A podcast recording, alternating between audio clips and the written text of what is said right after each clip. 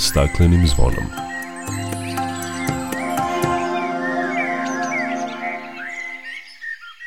Dobar dan i dobrodošli na Zeleni talas prvog programa radija Radio Televizije Vojvodine. Ja sam Dragana Ratković. Briga o životnoj sredini jedan je od najvažnijih izazova i političkih prioriteta savremenog sveta. Definisane su razne politike zaštite životne sredine na globalnom, nacionalnom i lokalnom nivou. Zaštita životne sredine je integrisana u zakone mnogih država, ali osnovni problem je postala implementacija politike, kao i praćenje efektivnosti utvrđenih mera. Govorit ćemo o javnim politikama u zaštiti životne sredine kod nas i kako se one sprovode. Šestoro mladih iz Portugala podnelo je Evropskom sudu za ljudska prava tužbu protiv 32 zemlje zbog klimatskih promena. Čućete šta kaže istraživanje mreže Zelena stolica o tome šta građani Srbije misle o klimatskim promenama. Biće reči o projektu Šuma zove na akciju, obeležavanju 15 godina programa za čistije i zelenije škole, o primarnoj separaciji otpada u Subotici kao i o manifestaciji Evropski vikend posmatranja ptica. O svemu više nakon pozdravne pesme. Dok priroda kraj nas plače Za vladarskim svojim tronom Tužno vele narikače Pod staklenim smo zvonom Znaj vazduha više nema Sve Protiv sebe ide čovek to često bez pardona. Uništenju živog sveta Kao da su ljudi skloni Čovek sam je sebi meta Zbog njega ovo zvono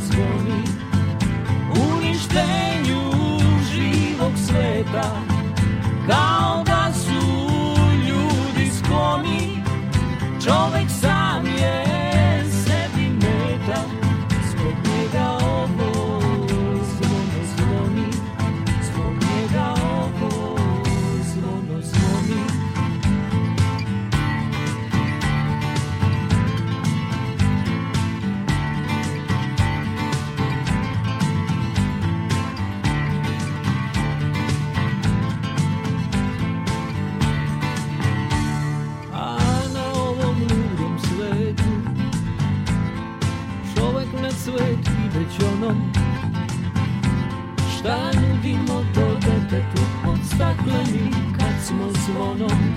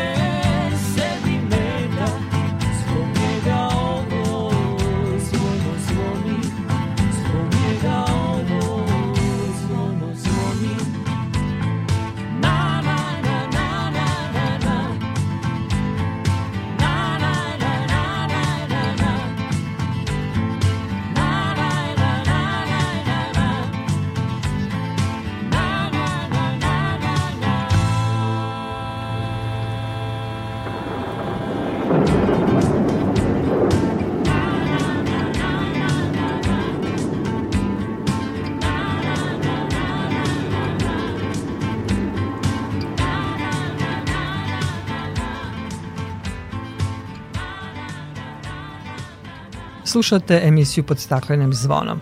Briga o životnoj sredini jedan je od najvažnijih izazova i političkih prioriteta savremenog sveta.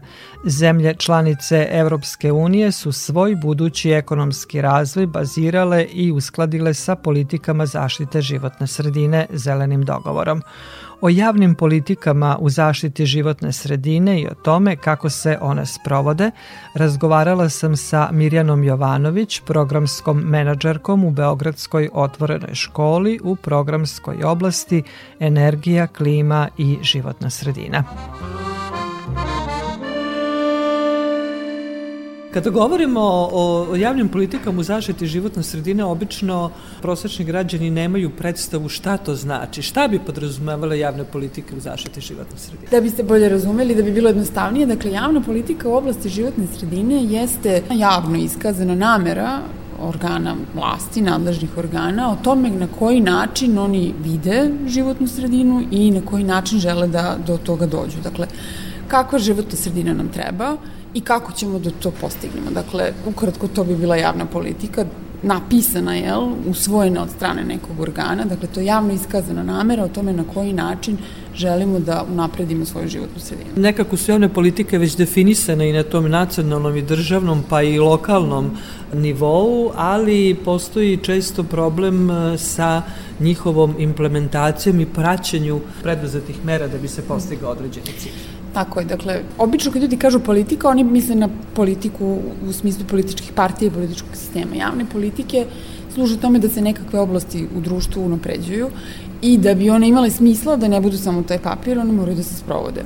One se sprovode nekad sa manjim, nekad sa većim uspehom. Ono što je nezgoda kod nas jeste što taj sistem praćenja i izveštavanja o tome kako nam ide izostaje često, tako da mi, na primjer, imamo nekakvu strategiju, na primjer, upravljanja otpadom, ili neki plan zaštite kvaliteta vazduha i nakon njegovog isteka mi nemam informaciju da li je uspelo to što smo tamo napisali, ako nije uspelo, zašto nije uspelo, da li nismo imali dovoljno para, da li nismo imali dovoljno resursa, znanja, da li nismo dobro postavili ciljeve i na osnovu toga bi trebalo zapravo da naučimo pa da u narednom koraku ne ponovimo tu grešku i bez, bez tog osvrta na uspeh i efekte javnih politika mi zapravo se vrtimo u začaranom krugu i ponavljamo iste mere, iste korake, iste ciljeve, a ono što je efekt vidimo da životna sredina ne napreduje, da nažalost na, nazaduje.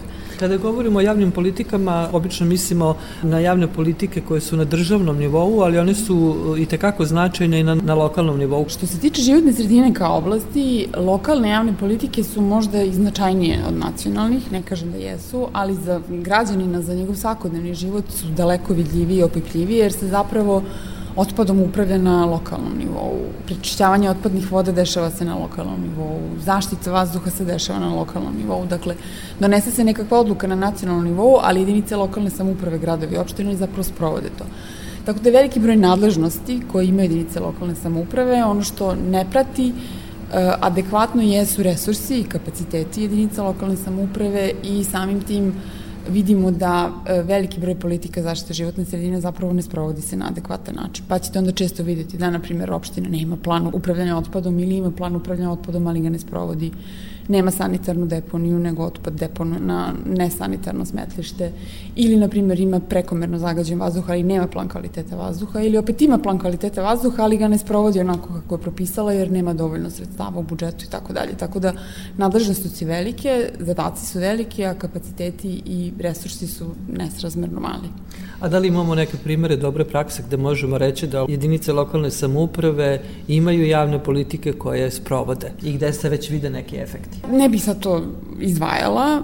Postoje jedinice lokalne samouprave koje su prepoznavale u svoje vreme u određenim oblastima, pa je, na primjer, ne znam, u oblasti energetske efikasnosti puno jedinica lokalne samouprave prepoznalo da je to najpre prostor za unapređenje kvaliteta vazduha, jer ona energija koja se ne potroši ne može da zagadi vazduh. S druge strane, prostor za štednju, dakle da, za manje opterećenje lokalnih budžeta. Neke od njih su, dakle, i pre nego što je sada na nacionalnom nivou to postala javna politika, već provodile takve mere, imale su svoje lokalne fondove za energetsku efikasnost iz koje su subvencionisale različite mere od zamene stolarije, fasada, krovova, do javne rasvete i tako dalje. Tako da ima ih tu i tamo, ali su redke. Vi u svom radu se fokusirate uglavnom na javne politike klimatskih promena, koliko se one sprovode Formalno, zakon o klimatskim promenama je usvojen, nedavno je usvojena strategija nisko-ugljeničnog razvoja, u pripremi je programa e, prilagođavanja na klimatske promene, tako da formalno bi trebalo da smo u redu.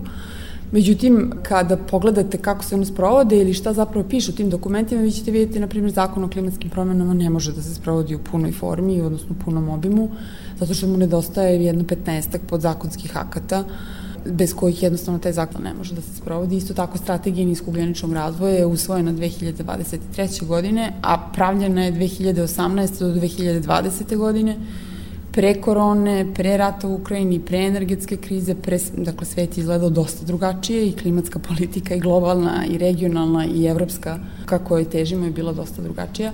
Tako da je taj dokument po mom mišljenju sada zastareo i nije adekvatan da odgovori na naše zahteve i probleme sa kojima se srećemo, pre svega u oblasti energetike i klimatskih promjena, dakle te su politike usko povezane i uskoro će postati povezane i sa ekonomijom i sa spoljno-trgovinskom razmenom sa Europskom unijom, ja ne znam koliko e, slušalci znaju, da Evropska unija dakle, ima cilj da 2050. bude ugljenično neutralan kontinent i u tom cilju razvili su niz svojih politika koji mu uređuju sve unutrašnju strukturu, tržište, politike i tako dalje. Međutim, oni žele da podstaknu svoje spoljno-trgovinske partnere da takođe dekarbonizuju svoje privrede i s tim u vezi su u prethodnih 5 do 6 godina razvijali nešto što se zove mehanizam naplate preko graničnog ugljenika Koji još nije počeo da se funkcioniše? Nije počeo. Dakle, ono, od oktobra ove godine ćemo imati zapravo samo prijavljivanje emisija pri uvozu, dakle taj se mehanizam će se odnositi na sve one koje uvoze na tržište Europske unije i to na ograničeni broj e,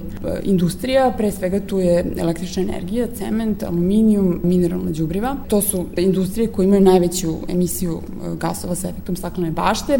Te oblasti Evropska unija reguliše unutar svog tržišta kroz evropski sistem trgovine emisijama gasova sa efektom staklene bašte, gde svaki proizvođač za sve emisije koje emituje mora da plati određeni iznos iznos po toni ugljenika koja sad ide ka 100 eura po, po toni. Mi nemamo takvu obavezu i samim tim ugrožavamo konkurentnost njihove privrede. Kako bi oni iznivelisali jel, taj odnos, ne samo sa nama, nego i sa Kinom i sa Afrikom i sa svim drugim državama gde nema takvog sistema naplate emisija, oni uvode taj sistem, imaćemo neko vreme da se prilagodimo, gde ćemo samo prijavljivati svoje emisije, a onda u nekom momentu ćemo početi da plaćamo emisije u onom iznosu koliko bismo platili da smo članica Evropske unije, odnosno onoliko koliko one koštaju na tržištu i to će dosta da optereti privredu. I mi, na primjer, za to nismo spremni, nismo se za to pripremili ni kroz zakon o klimatskim promenama, ni kroz strategiju niskogljeničnog razvoja. Trenutno se sad usvaja e, integrisani nacionalni energetski klimatski plan koji bi trebalo da razreši taj problem u kome to opet nije, nije razrešeno, tako da će privreda biti u jednom neizvesnom periodu kako će sad da se prilagodi na to, na to novo. Tako da u praksi politike klimatske u Srbiji još uvek nisu dovoljno dobre da bi nam obezbedilo izvesnu i stabilnu budućnost u narednom da, periodu. Da, nije dovoljno samo da ih usvojimo, nego da ih i Moramo primenjujemo. Moramo isprovoditi, da tako je, tako. Hvala lepo. Nema na čemu.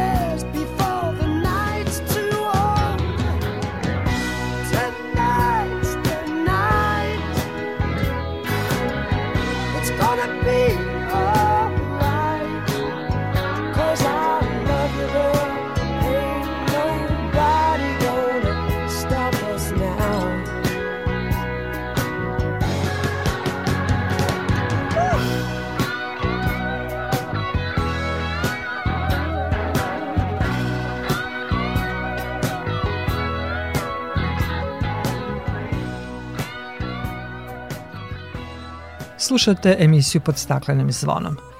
Govorili smo o javnim politikama u oblasti klimatskih promena i kako se one sprovode kod nas i u nastavku govorit ćemo o toj temi. Šestoro mladih iz Portugala podnelo je Evropskom sudu za ljudska prava tužbu protiv 32 zemlje zbog klimatskih promena. Oni optužuju zemlje za nedovoljno delovanje i neuspele pokušaje da se smanji emisija gasova sa efektom staklene bašte i svede u okvir ciljeva utvrđenih Parijskim sporazumom. A šta građani Srbije misle o klimatskim promenama? Istraživanje o tome je od sredine jula do sredine avgusta sprovela mreža organizacija Zelena stolica. Kakvi su rezultati istraživanja, reći će nam Miloš Đajić iz ove organizacije.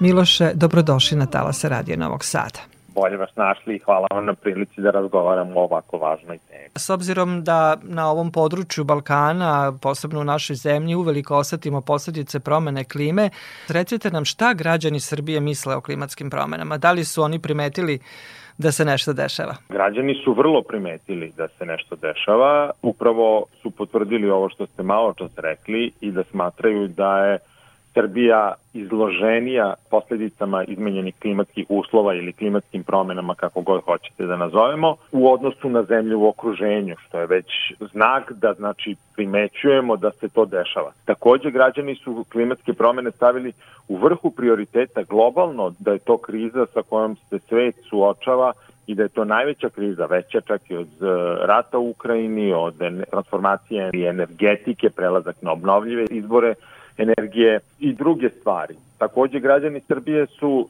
istakli da u velikom broju zagađenje vazduha predstavlja najveću opasnost ili najveću posledicu klimatskih promena. Tako da građani Srbije imaju sve o tome šta se oko njih dešava. Ono što na čemu još treba da radimo je pogotovo zajedno i zato vam sam vam zahvalan da uopšte pričamo o ovoj temi, to je upravo njihovo informisanje jer postoji jedan značajan deo između 10 i 15% ljudi koji negiraju klimatske promene, koji ne veruju naučne podatke koji su naučno verifikovani, koji smatraju da su klimatske promene nametnute kao tema koja treba da nam odlači pažnju, a da se za druge strane neke druge stvari dešavaju. I to je posledica onoga što se dešava i u medijima, jer mi imamo vrlo katastrofične često naslovne stranice recimo tabloida. Na portalima na internetu takođe to su naslovi koji koje koriste reči koje su dosta teške a malo se bavimo objašnjavanjem uzročno posledičnih delova i šta tu mi sve možemo da uradimo. Dakle 85-6% građana je svesno posledica klimatskih promena da su klimatske promene na delu, dakle dobro su da tako kažem informisani.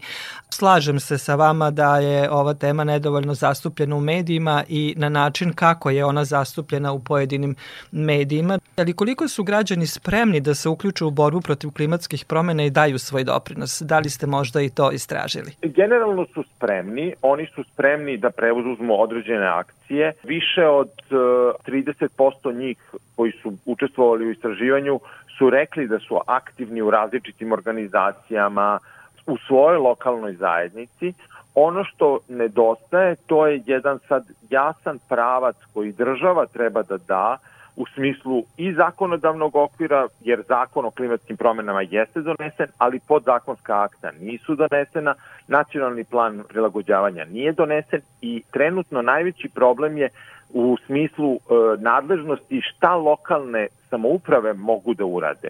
One nigde nisu u toj hijerarhiji propisa pomenute trenutno, bit će sigurno što nema dvojbe. Tako da građani nemaju u lokalu adresu kome da se obrate i kako da pokrenu određene aktivnosti koje bi uticale na smanjevanje gasova sa efektima staklene bašte, većim pošumljavanjem, prilagođavanjem ili čišćenjem reka i vodotokova, jer svesni smo svi, postoje vodotokovi koji imaju potencijal da postanu bujični i onda brišu sve ispred sebe. Tako da u tom smislu građani iskazuju spremnost, oni znaju otprilike šta bi trebalo da urade, ali nemaju taj impuls koji treba da dođe od strane države, sistema, da se oni uključe. I to je nešto na čemu ćemo mi i kroz ekosistem program u kom trenutno učestvujemo gde pokušavamo da animiramo upravo gradove koji će biti pripremljeni za klimatske promene da e, se preduzmu određene akcije bez obzira što još uvek nema nadležnosti kažem koje su definisane, ali biće i u strategiji, i u podzakonskim aktima, i u nacionalnom planu prilagođavanja klimatskim promenama.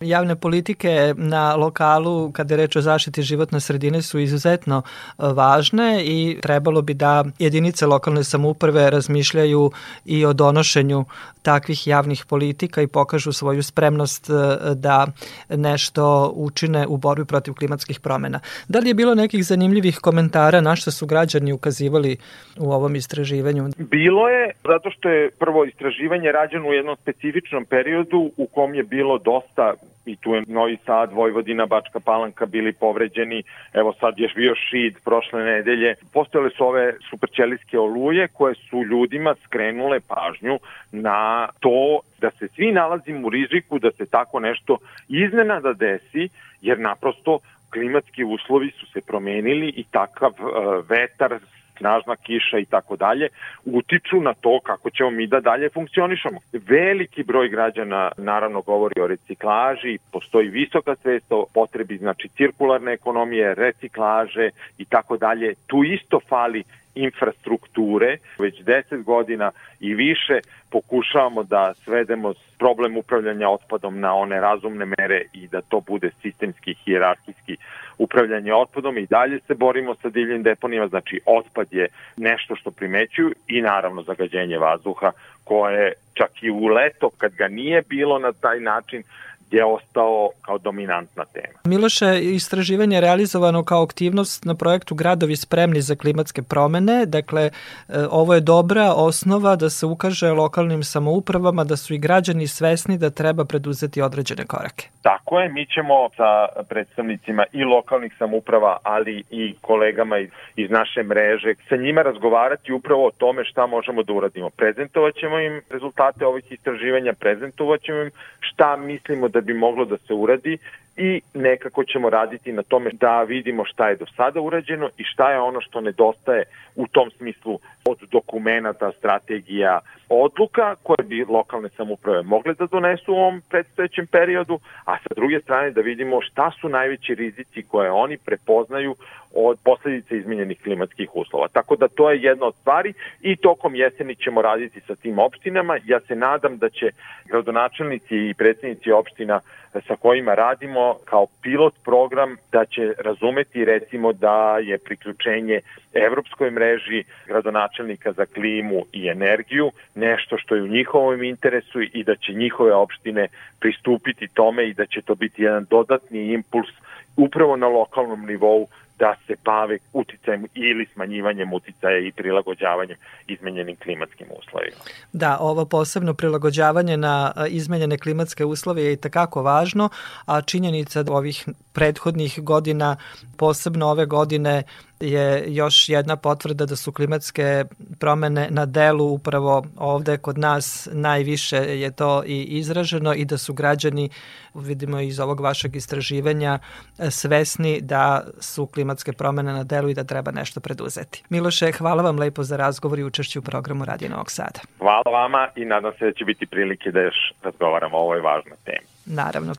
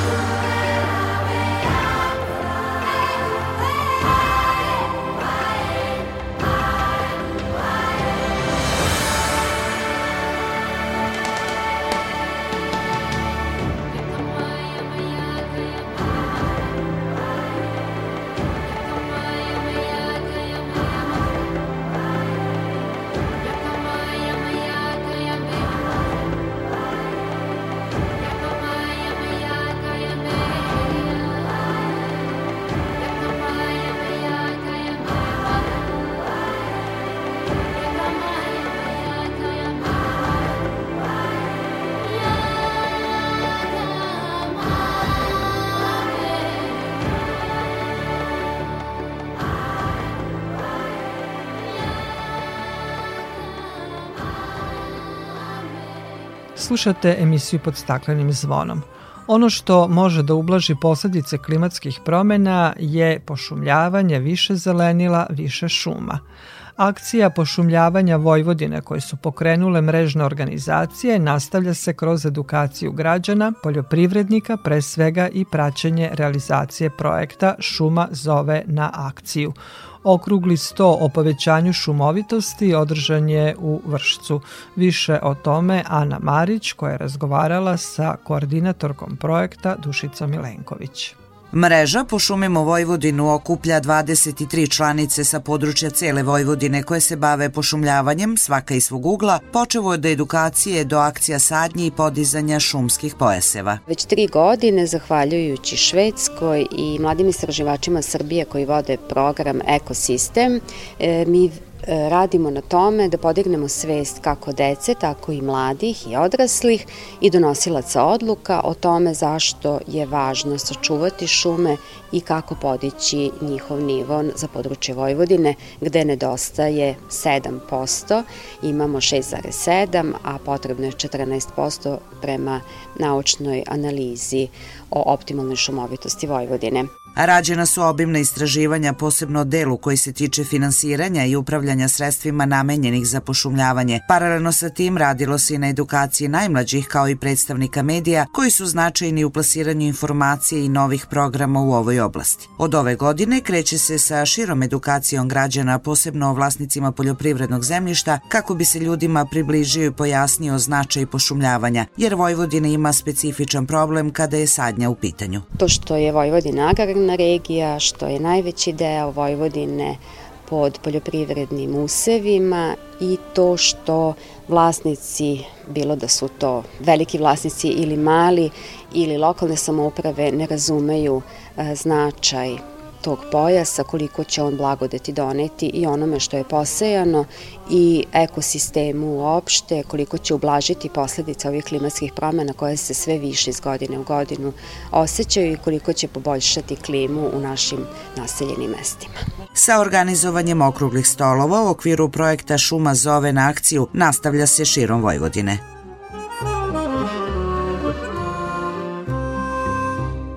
Čuli ste za povećanje zelenila i šumovitosti važna je edukacija i to od najmlađeg uzrasta. Program za čistije i zelenije škole u Vojvodini realizuje se u vaspitno-obrazovnim ustanovama već 15 godina. Povodom obeležavanja jubileja 15 godina postojanja programa održana je konferencija.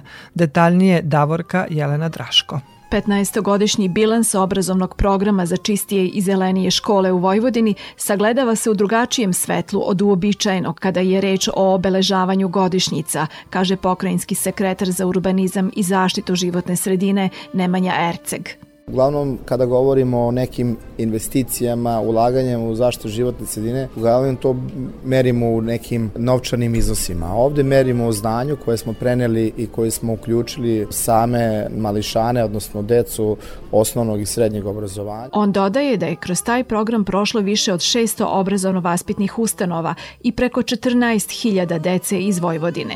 Kroz ove programe mi gledamo da ta edukacija ne bude opterećujuća za decu, da deca jednostavno to prihvate kroz neku igru, šalu, kroz neke radove i tako dalje. Uglavnom da im to bude jednostavno zanimljivo i da im životnu sredinu pokažemo na jedan zanimljiv i zabavan način. Član opštinskog veća za obrazovanje u Bačkoj Topoli Milan Janus kaže da je u tom mestu aktuelna revitalizacija gradskog parka i da su sve školske i vaspitne ustanove uključene u tu akciju jer tako deca dobijaju važne smernice kako da neguju prirodu u svom neposrednom okruženju. Mi nismo ovu planetu dobili od svojih predaka, nego smo je pozajmili od potomaka. Ta rečenica govori koliko je značajna sfera života ekologija i zaštita životne sredine. Pokret Gorana Vojvodine je dugogodišnji partner u programu za čistije i zelenije škole. Predsednik te organizacije Aleksa Jeftić ističe da u ostvarivanju tog programa posebno priznanje treba odati prosvetnim radnicima. Ja želim da i sa ovog mesta u ovom trenutku uputim poziv celoj zajednici da o tim ljudima moramo znatno više da vodimo računa, da im damo sve alate a to će uraditi naša organizacija. Jako brzo ovih dana e, smo u dobijenju jednog granta gde ćemo ozbiljnije razgovarati ovaj, sa njima tokom cele godine i za vreme školovanja, odnosno ono 2000 23. 24. najmanje 3-4 puta ćemo se sastati sa njima i razgovarati o tome kako da unapredimo te naše međusobne odnose Da su se vaspitno-obrazovni radnici istakli kao glavni nosioci programa za čistije i zelenije škole u Vojvodini, jer su svojim entuzijazmom najmlađima približavali aktivnosti koje treba da usvoje kao svakodnevne, smatra i podsekretarka Sekretarijata za urbanizam i zaštitu životne sredine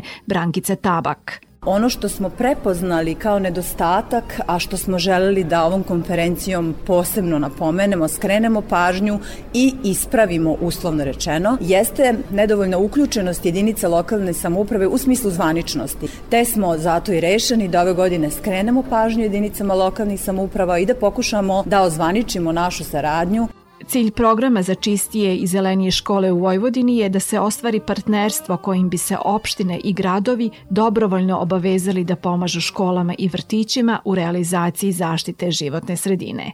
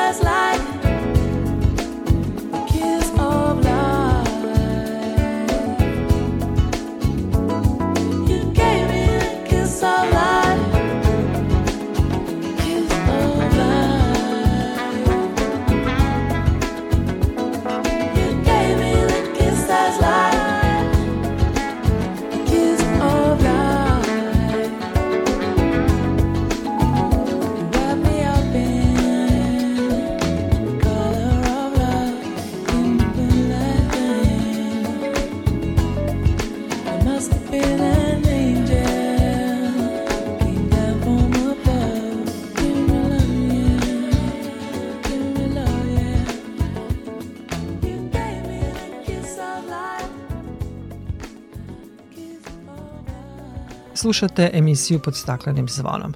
Da bi naše okruženje bilo ne samo zelenije, nego i čistije, u opštini Vrbas uklonjena je divlja deponija. Javno komunalno preduzeće Komunalac je prema rešenju nadležne inspekcije u Vrbasu po peti put uklonilo smetlište predviđeno za građevinski otpad u Kucuri. Sa površine od 3.500 kvadratnih metara uklonjeno je 3.000 kubika otpada.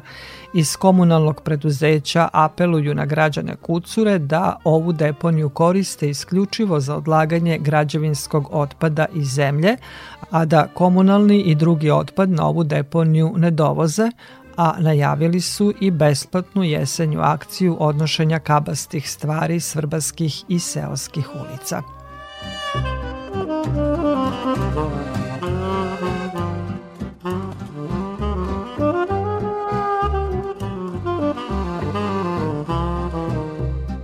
A do kraja godine će u lokalnim samoupravama koje pripadaju regionalnoj deponiji Subotica biti zaokružena primarna separacija otpada iz domaćinstva. U Subotici su potpisani ugovori o davanju na korišćenje opreme za sakupljanje i reciklažu otpada, odnosno kanti i kontejnera za komunalni otpad. Opširnije Kristijan Takač. Grad Subotica će na osnovu potpisanog ugovora dobiti 35 kontejnera i više od 17.000 plavih kanti za suvi otpad. Sa druge strane, jedinice lokalnih samouprava koje gravitiraju ka regionalnoj deponiji, odnosno Bačka Topola, Mali Iđoš, Senta, Novi Kneževac, Kanjiža i Čoka, dobijaju u prvom koraku nedostajuće zelene kante za mešani komunalni otpad, a do kraja godine i plave. To će, kako je istakao pokrinjski sekretar za urbanizam i zaštitu životne sredine Nemanja Erceg, pospešiti rad regionalne deponije i podići stepen iskorišćenosti prikupljenog otpada koji može da se reciklira. Na taj način, jedan od 27 regiona kompletno je opremljen po evropskim standardima, što znači da mi i tekako možemo ispuniti i postići ciljeve i mi ćemo u narednom periodu takođe i od sledeće godine krenuti sa izgradnjom novih regionalnih sistema za upravljanje komunalnim otpadom na teritoriji Vojvodine. Regionalna deponija je pre nešto manje od godinu dana dobila integralnu dozvolu za rad, podsjetio je prisutne gradonačelnik Subotice Stevan Bakić. On je takođe dodao da će u cilju lakšeg i bezbednijeg odvoženja otpada u narednom periodu biti obnovljen i proširen put koji vodi prema samoj deponiji. Investicija će biti skoro 450 miliona dinara, to neki i moji nisu razumeli kada sam ja to molio predsednika Aleksandra Vučića, što znači da će biti pored kvalitetnog i bezbednijeg saobraćaja, doći će i do lakšeg transporta komunalnog i industrijski neopasnog otpada od grada do regionalne deponije. Pokrinjski sekretar za urbanizam i zaštitu životne sredine je podvukao da nastavljaju sa unapređenjem adekvatnog upravljanja otpadom, a na taj način i unapređenjem kvaliteta života svih građana u Vojvodini. U budžetu za 2024. godinu će zato biti predviđena nova sredstva za kupovinu vozila za potrebe lokalnih samouprava sa teritorije čitave pokrajine.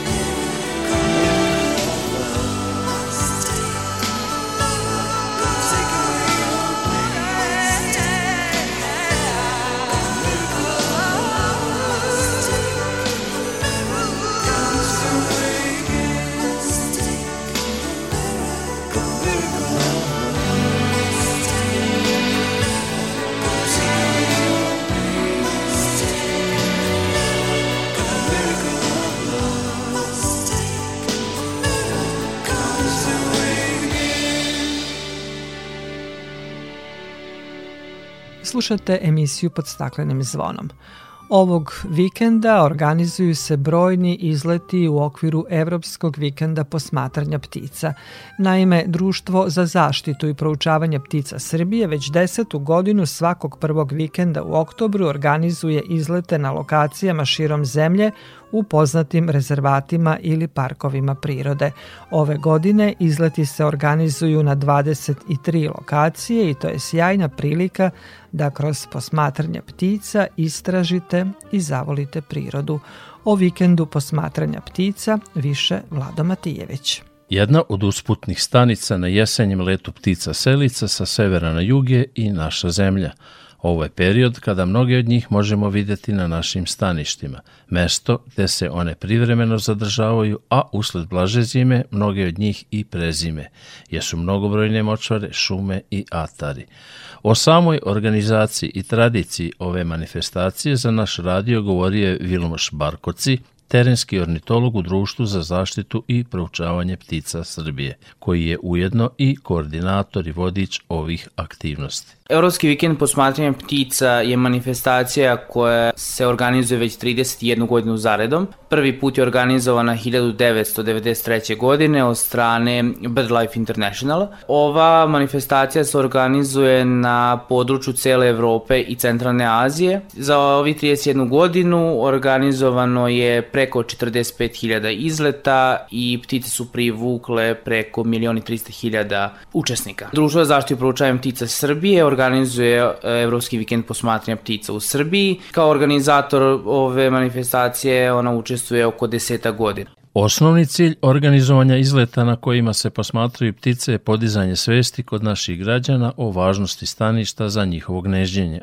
o migratornim putevima, o usputnim stanicama, o zimovalištima na Mediteranu i brojnim opasnostima kojima su ptice izložene na svom selidbenom putu, a to su degradacija staništa, klimatske promene, opasnost od dalekovoda i električnog napona, kao i nažalost od lova i krivolova, posebno ugroženih i zaštićenih vrsta ptica. Lokacije na kojima se organizuju izleti se određuju na osnovu važnosti za ptice, kako za gnežđenje, tako i kao usputne stanice za ptice selice. U ovom periodu godine možemo videti znatno veći broj vrsta ptica nego uobičajeno, upravo zbog njihove seobe na jug Evrope, kaže Barkoci. Na primjer, u urbanim parkovima možemo da vidimo golubove, svrake, kreje, e, gašce, kopca, vetrušku, velikog detlića ili seoskog detlića. Ako zađemo recimo do, do šodroša, onda možemo već da vidimo i čaplje, i galebove, i razne vrste patke, kormorana, malog i velikog,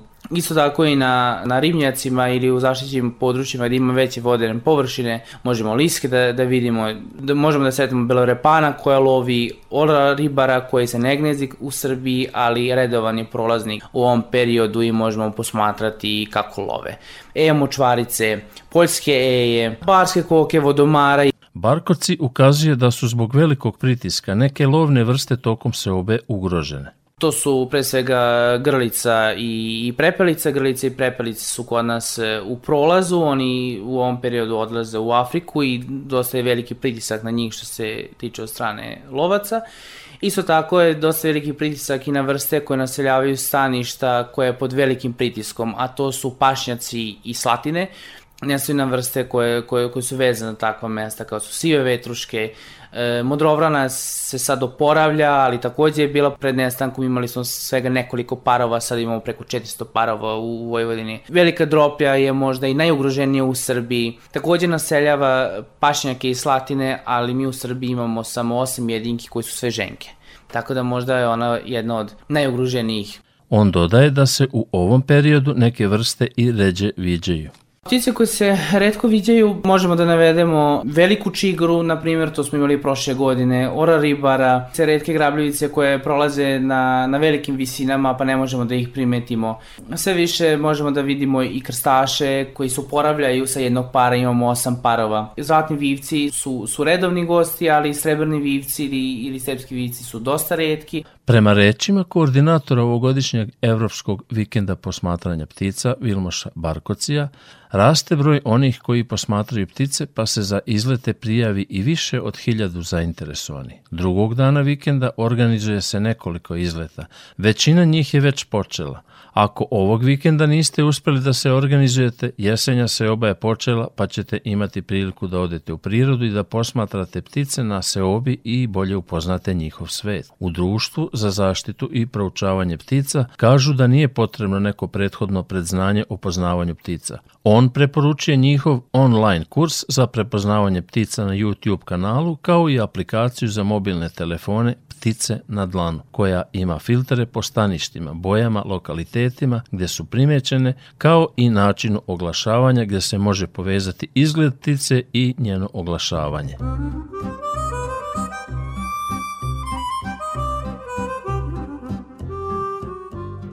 Toliko u ovom izdanju emisije pod staklenim zvonom koju možete slušati i odloženo na podcastu Radio Televizije Vojvodine na adresi rtv.rs. Emisiju realizovali Iboja Šanca, Maja Tomas i Dragana Ratković. Naredni susret zakazujemo za sedam dana u isto vreme na zelenom talasu prvog programa radija Radio Televizije Vojvodine.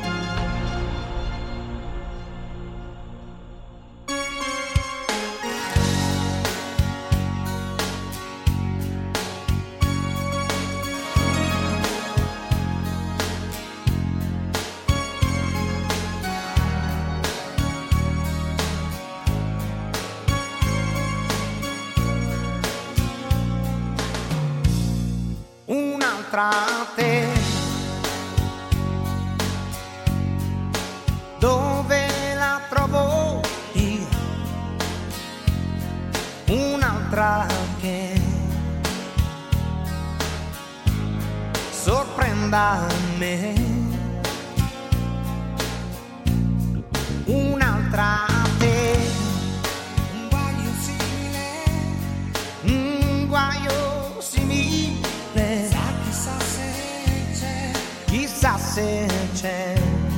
Hey, un'altra te.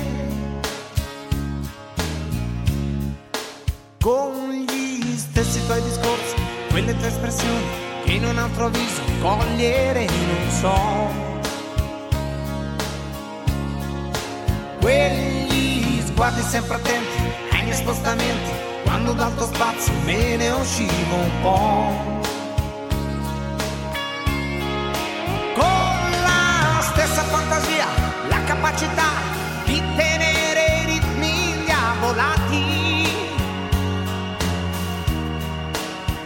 before he